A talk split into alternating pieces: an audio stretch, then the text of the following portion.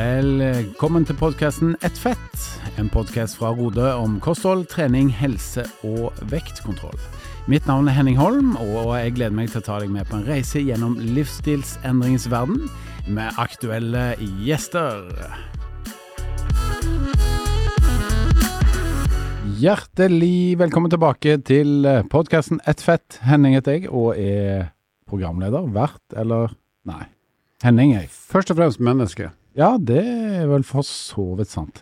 Og velkommen til oss i dag. Vi er vel egentlig ferdig med vinterferie etter hvert, Halvor. Hvordan har du hatt det i vinterferien? Vi er vel ferdig. Vi er ferdig med vinterferien. Jeg har hatt det helt prima, Henning. Jeg har vært i det såkalte Syden. Jeg har vært i Spania Mallorca i ei hel uke med følgende selskap, meg sjøl.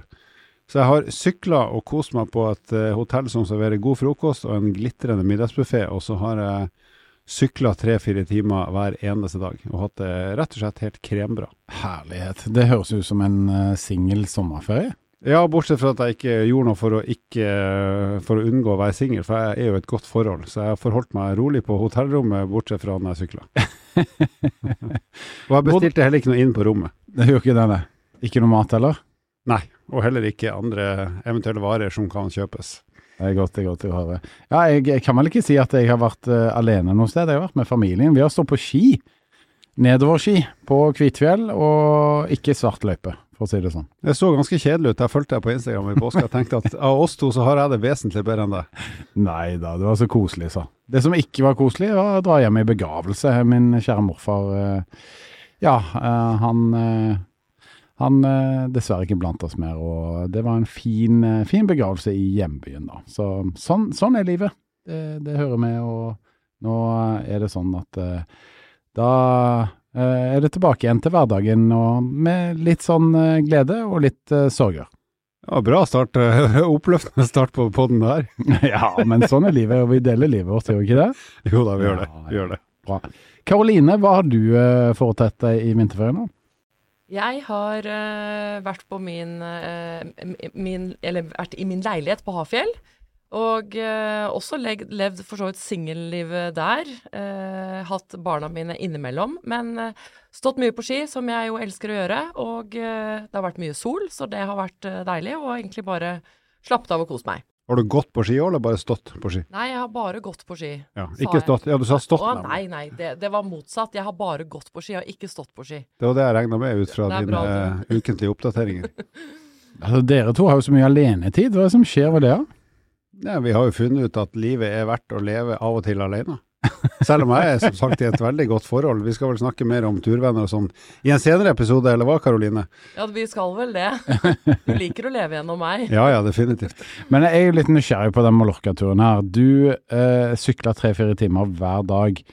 Det er jo ikke noe du er vant med. Du har jo en del kortere økter når du ja, en vanlig uke og jobber og står på og eh, kjører unger på treninger osv. Hvordan responderte kroppen på det, eh, når mengden tross alt ble ganske stor på en uke? Det gikk helt fint. For det første så sykla jeg stort sett ganske rolig, så det var ikke noe hardt slitsomt. Det var ikke med i noe ritt, jeg var bare kosesykla. Så, eh, og så går det an å ta pauser når som helst. Så når jeg kjenner at skuldrene begynner å bli litt sånn støl og stiv, eller det blir litt sånn tungt i beina, så finner jeg en hyggelig kafé.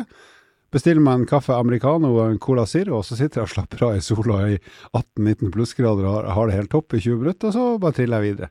Så det er, det er, veldig enkelt å tilpasse ut fra et begrensa mengdetreningsgrunnlag, faktisk. Jeg har aldri sett deg smile så mye, så dette må jeg ha gjort godt for kropp og sjel. Ja, og jeg regner med du hørte at jeg sa sånn 18-19 plussgrader. For når jeg kom hjem så var det minusgrader, men altså på Mallorca var det 20 pluss på formiddagen, og det var helt utrolig digg. Ja. Angrer du på at du ikke har gjort dette tidligere i livet? Eh, på en måte ja, men samtidig ikke, for da vet jeg jo at da kan jeg kanskje gjøre det flere ganger i livet fremover. Så jeg tenker at det jeg, ikke, det jeg har gjort, det har jeg ikke gleda om igjen, men det jeg kan gjøre noe med, det kan jeg jo glede meg til. Men eh, de av oss få som kjenner deg veldig godt, vet at din eh, hva skal jeg si, stedsans, den er jo ikke imponerende. Nei, den er fraværende. Ja, Så jeg, jeg lurte jo på, når du reiste nedover, at kommer dette til å gå bra? Kommer han til å sykle seg vill? Kommer han til å, å, uten mobildekning i en eller annen dal, bare liksom rote seg helt bort? Jeg skal love at jeg stilte meg selv det samme spørsmålet. Ja, jeg, jeg var oppriktig bekymra når du reiste. Jeg lurte på om dette var en god idé. Ja, Det fine med Mallorca og Palma det er at det er veldig mange som sykler der. Så det er alltid noen å henge seg på. Så jeg måtte jo gjennom byen hver eneste gang uansett retning inn og ut. Så jeg fant jo ut at i starten så bare henger jeg på noen som ser ut som de har gjort det før, og det, er, det kryr av sånne syklister. Så, så det klarte jeg. Så de første tre dagene så hang jeg på første gangen noen tyskere, og andre gangen noen italienere, og tredje gangen noen spanjoler som guida meg inn og ut og venta på meg i lyskrysset sånn. Og så etter hvert så fant jeg da, som jeg gjør i Oslo, ei gate som jeg kan følge helt til jeg er ute, og da vet jeg hvor jeg er. Og, så er, og etter det så tar jeg en sånn grov retning, og da treffer jeg på et eller annet. Så det, det gikk overraskende bra, men hvis du spør meg hvor jeg har sykla og om jeg kan gjenta det, så kan jeg ikke det.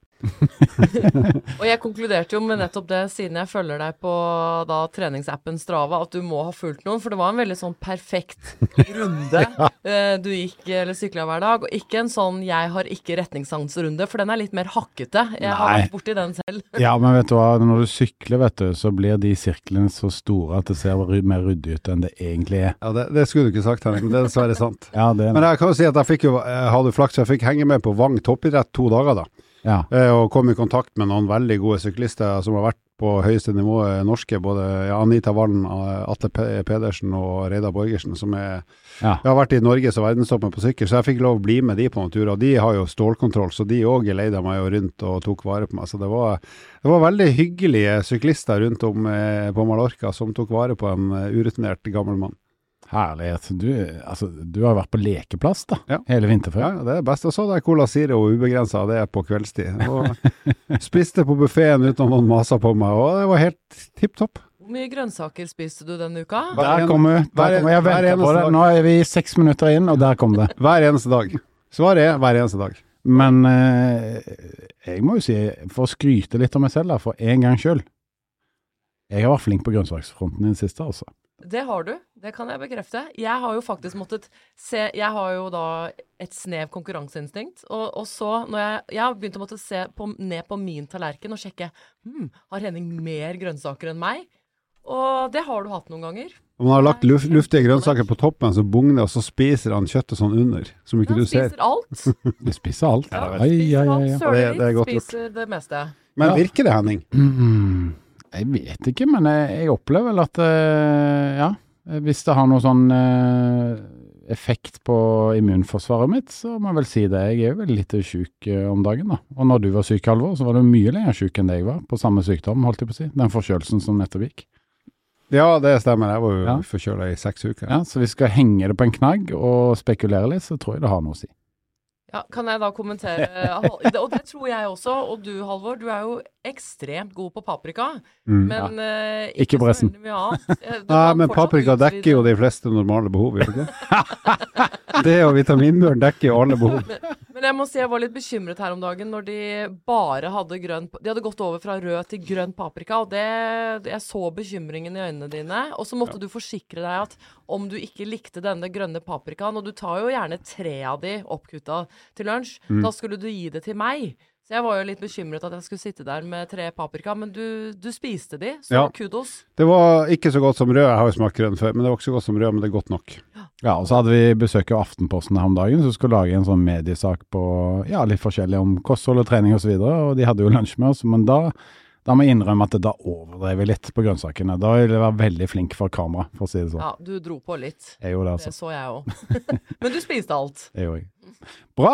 Da skal vi gå videre til dagens eh, tema, som er de oppsiktsvekkende resultatene i norsk fedmeforskning. Så heng med etter dette her. Hei, dette er Henning fra podkasten Et fett. Visste du at Rode nå har lansert et medlemskap? Med medlemskapet så kan du gå ned i vekt, holde på vekten, eller rett og slett bare kontrollere at vekten ligger der han skal. Så ta en titt på hjemmesidene våre på rode.com. Velkommen til oss. Ja, eh, vi har jo hatt et samarbeid i Rode med sykehuset i Vestfold. Dette er Go Low-studiet. Vi har vært innom det tidligere, men nå er det på tide at vi diskuterer disse resultatene som vi har lov til å dele. og um, Kan ikke du si litt om det her, Karoline? For dette her er jo virkelig oppsiktsvekkende resultater som, uh, som disse forskerne med Jørn Hjelmeset i spissen har funnet ut av. Ja. Eh, jeg tenkte jeg skulle begynne med å bare spole litt tilbake, for det er ikke sikkert alle husker hva denne studien dreier seg om, selv om vi snakker og tenker mye på den. Eh, man har jo lenge trodd det at å gå eh, fort ned i vekt eh, gjør at man like, går like fort opp igjen i vekt. Så man har jo hele tiden rådet å gå ned gradvis ned i vekt, for det vil gjøre at man vil eh, lykkes bedre. Men det, det er den klassiske halv kilo i uka-aktig, ikke sant? Riktig, riktig. Mm. Men så har jo mer og mer forskning her og der begynt å tyde på uh, at det ikke nødvendigvis er, er tilfellet. Men likevel så har liksom de offisielle anbefalingene forblitt slik at man burde gå rolig ned i vekt. Til tross for at disse studiene eh, viser at rask vektnedgang også kan være effektivt. Men så har det vært litt svakheter og litt uh, ymse ting med disse studiene som har da bevist eller vist dette motsatte. Så da har vi jo egentlig stått der og vært litt usikre om uh, det er effektivt og gunstig å gå fort ned i vekt eller ikke. Så dette her hadde vi da lyst til å gjøre noe med. Så vi fikk da til da dette samarbeidet med Sykehuset i Vestfold og med Gøran Hjelmeset i spissen, som de fleste kjenner til. Og hypotesen vår i den studien var jo da at de som går raskt ned i vekt innledningsvis, vil ha en større vektreduksjon enn de som går mer gradvis ned i vekt.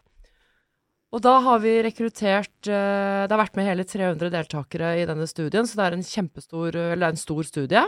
Eh, det er en såkalt eh, randomisert, kontrollert studie som er på en måte gullstandarden innen forskning. Um, og hvor da halvparten har blitt plassert i en gruppe hvor de går da raskt ned i vekt eh, innledningsvis. Hvor de da spiser 1000 kilokalorier eh, per dag. Og så øker de gradvis etter sånn rundt tolv uker. Og så er det da den andre gruppen som følger mer standard. Det vi gjør i Rode, da, at de går litt mer gradvis ned i vekt. De har ikke et fullt så strengt energiunderskudd. Så de hadde et underskudd på rundt 800 til 1000 kilokalorier. Og så har vi da fulgt dem eh, over et helt år. Og hatt noen målepunkter underveis hvor vi har uh, målt vekten deres og andre ting også. Uh, de har tatt blodprøver, vi har målt uh, liv og hofte og midjemål og sånn. Og så har de besvart noen, noen spørreskjemaer osv. Og så har de jo selvfølgelig registrert i appen vår, Ned i vekt-appen vår, underveis også. Uh, ja, så det var jo bakgrunnen for studien. Og så Nå skulle vi hatt litt sånn derre trommevirvel, kjenner jeg. Ja, Før du går videre, altså de som vil høre litt mer om hva de her faktisk har gjort, så har vi en egen episode om det som ligger i, i kartoteket i spillelista di. Da kan du gå og høre på den, så får du høre litt mer både om kostholdet deres og litt mer inngående om hva de faktisk har gjort i, i det, det, året de ble fulgt opp. da. Men hvis jeg skal bare skyte inn ekstra, så er det jo Eh, hovedsakelig damer som har vært med, og så har snittalderen vært sånn rundt eh, 48-49 år. Eh, og utgangsvekta har vært sånn rett over 100 kg i snitt da, på, på, hver deltaker. Og BMI på 36 i snitt. Ja. Og så er det trommevirvel, for nå er vi jo spent på Og grunnen til at vi kan si det her nå, det er jo at dataene herifra er jo ikke publisert ennå, men de er likevel offentliggjort på en eh, kongress så vi har fått lov av, av eh, sykehuset ved Gøran Hjelmeset å, å kommunisere hovedresultatene som vi nå skal gjøre. Mm. Ja, for at dette studiet, eller resultatene, er jo fortsatt ikke publisert i et uh, tidsskrift ennå. Og det er det vi venter på at de skal bli. Uh, og inntil da så er det ikke så veldig mye vi kan uh, gå ut med, for de må jo da, resultatene må det som heter fagfelle vurderes først. Og det er jo da en kvalitetssikring på at uh, forskningen er gjort riktig og på en god måte. Og etter det så blir det publisert, og da, først etter det, kan vi gå ut med alt. Men vi får lov til å dele litt nå. Yes. Mm. Ja, og eh, resultatene de er jo, som sagt, for tredje gang nå, oppsiktsvekkende. For det at den uh, vektreduksjonen som nå skjedde, eh, prosentmessig, den er jo faktisk enorm. Har du lyst til å fortelle om dette, her, Karoline, siden du faktisk har vært med i denne gruppa? Ja, jeg har jo tilbrakt noen timer, eh, gjort noen timer arbeid med denne studien her. Det vi klarte å vise i denne studien her, er at de som gikk raskest ned i vekt, de som gikk fort ned i vekt innledningsvis, de som spiste 1000 kilokalorier per dag i begynnelsen, de gikk eh, eh, mer ned i vekt enn den andre gruppa. De gikk ned 15% totalt. Eh, I motsetning da til den andre gruppa som gikk mer eh, gradvis ned. De gikk ned 11% Ja, Så resultatene er egentlig oppsiktsvekkende gode for begge gruppene? sånn i Absolutt. utgangspunktet, altså. Men det at man, den gruppa som gikk raskt ned i vekt i starten, da har best resultater etter ett år, det er jo litt sånn imot det man ofte tenker, er det ikke det, Karoline? Jo, jeg vil bare legge til én ting før jeg svarer på det. Og det som vi er veldig glad for i denne studien her, er at vi har klart å bevise eller oppnå en såkalt signifikant forskjell, som er veldig viktig innen forskning. Eh, og man sier at man har oppnådd en signifikant forskjell hvis det er Altså hvis den observerte sammenhengen, den, den, det man ser ut ifra resultatene, eh, faktisk er en reell sammenheng, og at det da ikke skyldes uh, tilfeldigheter. Og det, er, eh, det gir jo resultatene og studien mye, mye større styrke. Ja, Det betyr at resultatene er så tydelige at vi kan si at det er grunn til å tro at fordi at de har gjort det her og ikke det andre, så har de fått det resultatet og ikke det andre. Sånn, sånn banalt forenkla. Ja. Mm. Ja. Men det er jo så ofte sånn som jeg sier, da, at eh, vi har jo tenkt veldig ofte at ah, ikke gå for raskt ned i starten, da legger du bare på deg igjen. Det er i hvert fall noe som jeg har hørt. Ja, så har jeg jo lært at det her halv kilo i uka er smart, og det er jo ikke feil nå heller. Men, men det er jo interessant å se at nye trender av og til har noe for seg. Og som du sier, Karoline, så er det blitt forska litt i det små på de tinga her, men ikke nok til at man har liksom turt å si at det her er sannsynligvis veldig smart.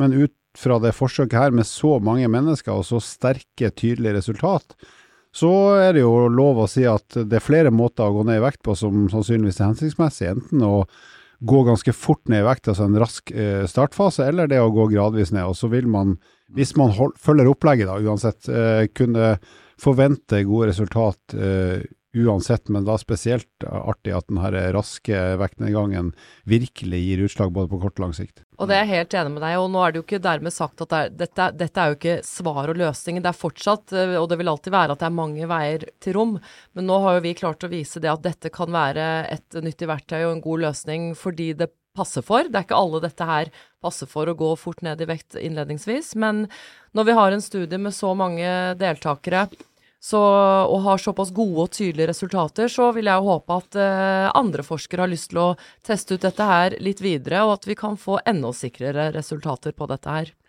Men en av de tingene som vi kan si, nå, nå representerer vi Rode, eh, og det er vi alltid farger, men vi har jo vært på å si part i saken. Men, eh, men uh, uten å påvirke resultatet. Men nå har jo Rode noe som kalles kickstart, som baserer seg på akkurat det her, at du skal kunne ta et ordentlig jafs i starten av en vektreduksjon.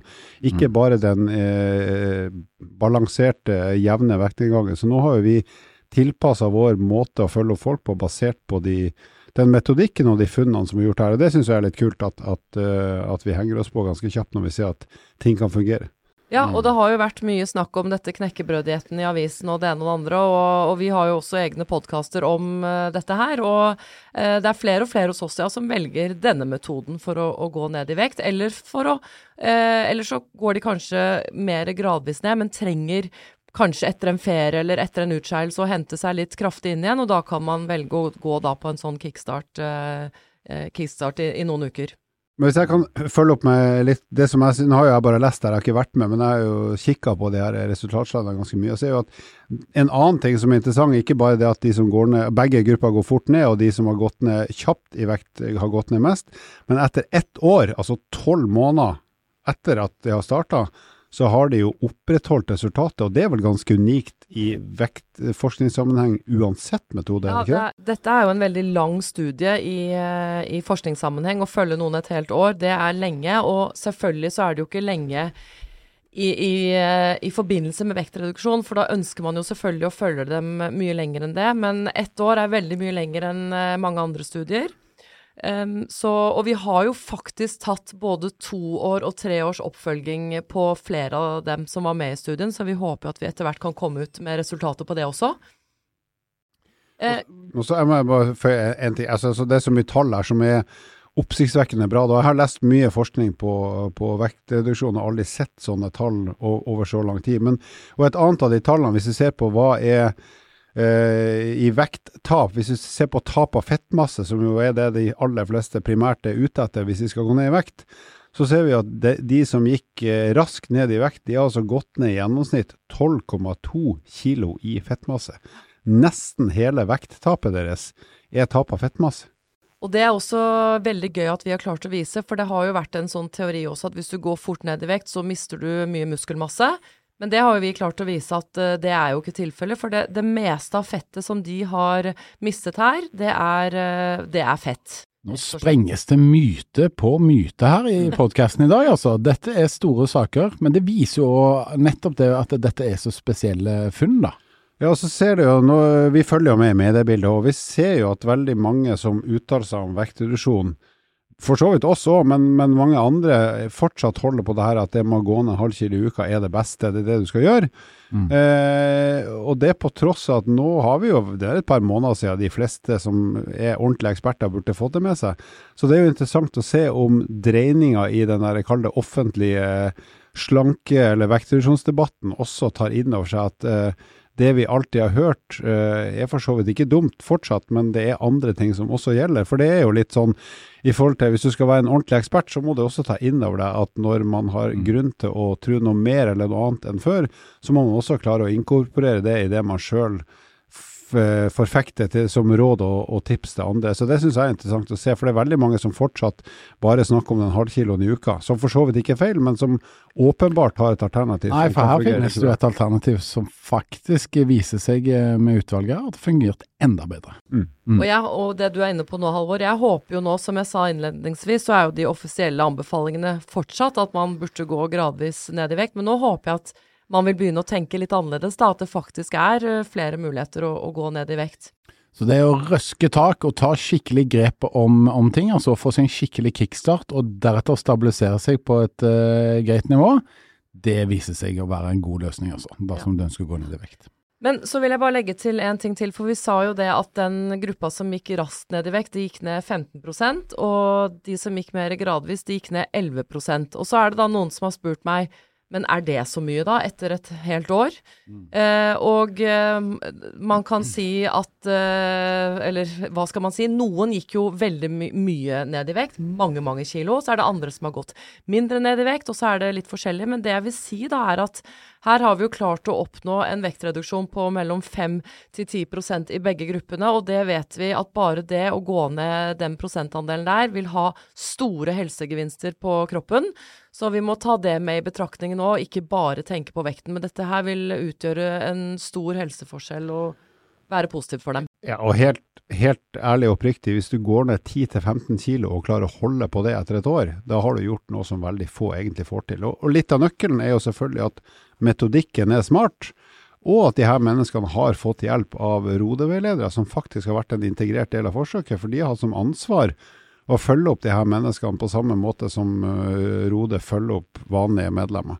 Og det mm. å ha en støttespiller som har peiling, det er jo aldri feil, enten det gjelder trening eller kost eller mye annet her i livet. Og det sier jo mange av de, eller egentlig alle som var med i studien, at det der at de hadde den eh, oppfølgingen og den personlige oppfølgingen av noen, at det var, et, eh, det var viktig for dem. Og det vet vi jo fra forskningen også, at et viktig, et viktig suksesskriterium er jo personlig oppfølging og den støtten man får av en annen. Mm. Og det fikk jo begge gruppene. Begge ikke sant? Begge fikk den der gode veiledningen. Komme på ja, på kurskveld da, eller samtalekveld, eller ja, møte veiledere, møte andre likesinnede, og, og, og, få en sånn uh, ukentlig mer eller mindre sjekk på hvordan det står til. Og det å måtte svare for seg der, det er jo en veldig viktig del av, uh, ja, av fremgangen da, til deltakerne. Det jeg gjerne vil legge til som uh, skjedde underveis i denne studien, som jeg egentlig bare må rose alle deltakere for, og, og vi som egentlig sto bak studiet nå, vi, vi, fikk jo korona midt oppi dette her. Og det, det sto ikke i vår prosjektplan. Vi var ikke helt forberedt på det, så vi har jo måttet kaste oss rundt underveis. Og selvfølgelig har jo dette vært krevende for deltakerne også å plutselig ikke kunne møte opp noe sted og måtte kaste seg rundt og, og bli digitale. Men vi er jo veldig stolte likevel at vi har oppnådd såpass gode gode resultater. Så får en senere studie eh, prøve å finne ut hva resultatene blir uten korona. Og bare uten at vi skal gå i detalj på hva de gjorde, for det har vi jo som sagt laget en egen pod på, men kan du ikke si veldig kort hva var det slags kostregime eller matopplegg de her menneskene har hatt? Altså Som sagt så har de da spist, helt uavhengig av vekt, høyde, alder osv., spist 1000 kilokalorier per dag. Og det er jo vanlig rodemat, rett og slett. Det er mat uh, som er uh, de offisielle kostholdsanbefalingene.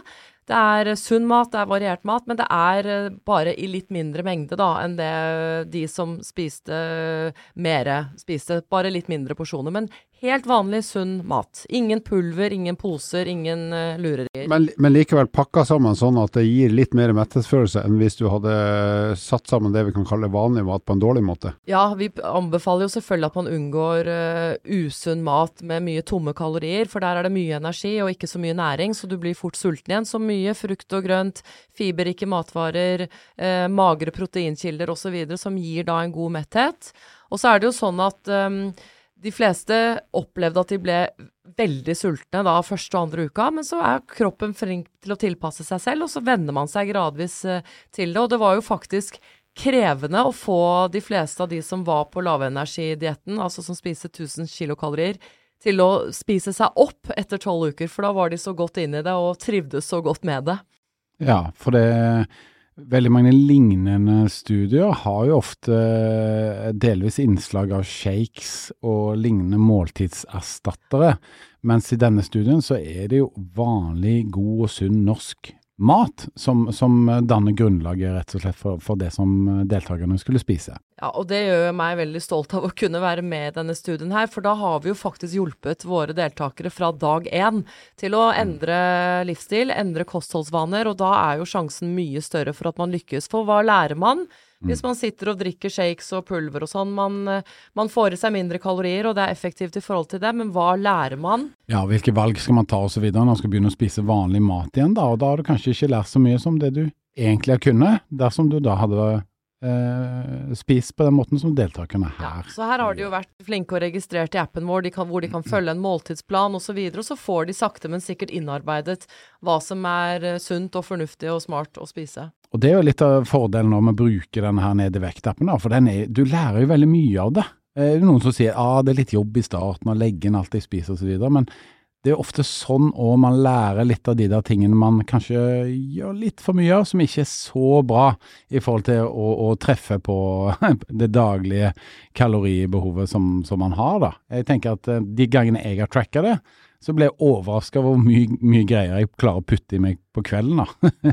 og det gjelder jo for deg og Halvor, gjør det ikke det? Ja da, og det, jeg bruker jo ned i vekt-appen uh, re relativt ofte, rett og slett for å bli litt bevisst. Og, og det er mm. som du sier, at ja, du må jo bruke litt tid på å gidde å legge inn hva du har mm. spist, mm. for du kan ikke forvente å få kunnskap uten å gjøre ett sekund arbeid sjøl, men den tida er vel anvendt. Men en annen ting som jeg bare har lyst til å poengtere i forhold til resultatene her, det er jo at hvis vi ser på kroppssammensetninga, altså hvor vi har snakket om at det har mista hovedsakelig fettmasse, som er ideelt, men vi ser jo da også at hvor lite fettfri masse de faktisk har, har mista, så ser vi på den gruppa som gikk kjapt ned i vekt, så har de bare i snitt mista tre kilo fettfri masse av et vekttap som er røftlig rundt 14-15 kilo, som er veldig lite, unormalt lite i forhold til mye annen forskning. Og de som gikk på den der eh, jevne Uh, vektnedgangen de har mista bare 2,7 kilo, men sånn i prosent av totalt vekttap så er det omtrent det samme. Som, som, er rett og slett unormalt lite tap av muskelmasse når de har gått så mye ned i vekt. Så det, det, er mange ting her som slår meg, som har nå lest forskning i 20 år på vekttap, som, som utrolig inspirerende og spennende, og veldig gode resultat. Og det som er gøy, er jo at fettfri masse, det er jo ikke bare muskler, det er jo mye annet også. Så det betyr jo at uh, de har jo gått veldig, hatt veldig, veldig lite muskelsvinn, rett og mm. slett. Mm. Mm.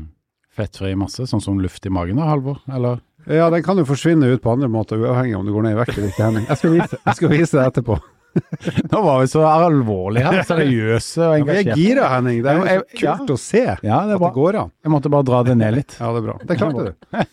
Skal du ta en runde om begravelsen nå, eller? Nei, la oss ikke. Ja ja, den var veldig fin, den, altså. Det, det var en fin uh, Altså, morfar min ble 95. Uh, eh, han har levd et fantastisk uh, liv, så det, det, var en feiring av, av, hans liv, rett og slett. Så det, Får sette punktum på den. Ja, det var bare fint. Yes.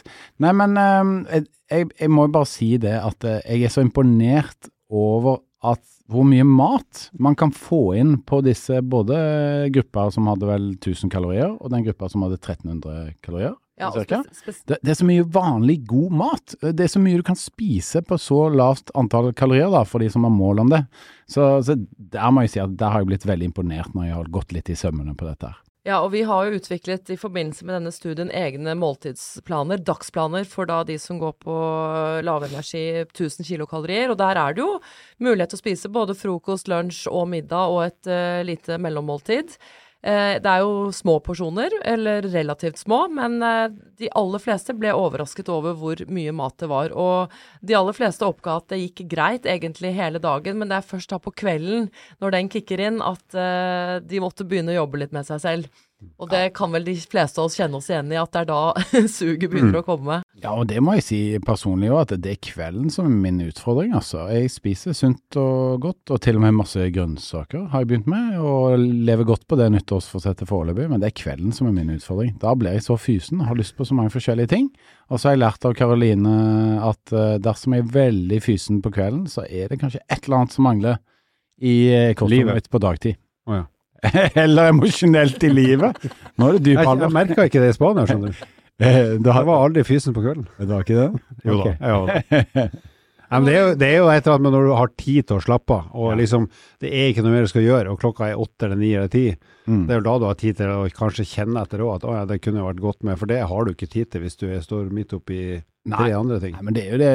Og Karoline, du nevnte her at uh, det var vel på webinaret som vi hadde for de, de, angående faste. Så du hadde et webinar her eh, denne uken uh, hvor vi spiller inn episoden, og så sa du det at uh, det var ti timer TV-titting i uka. Det var liksom i grenselandet at hvis du titter mye på TV, så er det mer utfordringer med at man kanskje har et litt høyere inntak av kalorier. Ja, fordi man det, Jeg sa det i forbindelse med de eh, amerikanerne man har fulgt som har lyktes med en varig vektreduksjon. Det er et svært amerikansk register som eh, følger da amerikanere som har lyktes med å gå ned i vekt, og så er det forskjellige punkter da for hva som kjennetegner de, og der er jo da et av punktene at de ser mindre TV enn ti timer i uken. Jeg syns jo ti timer i uken er ekstremt mye, men uh, Det er ekstremt lite. Ja. ja, det er jo det. Ja, i hvert fall nå som det har kommet sesong fem på Formel 1. Ja, men seriøst, altså, det er langt lavere enn normalen, og jeg er langt høyere enn ti. Det kan jeg jo innrømme. Når rekker du dette?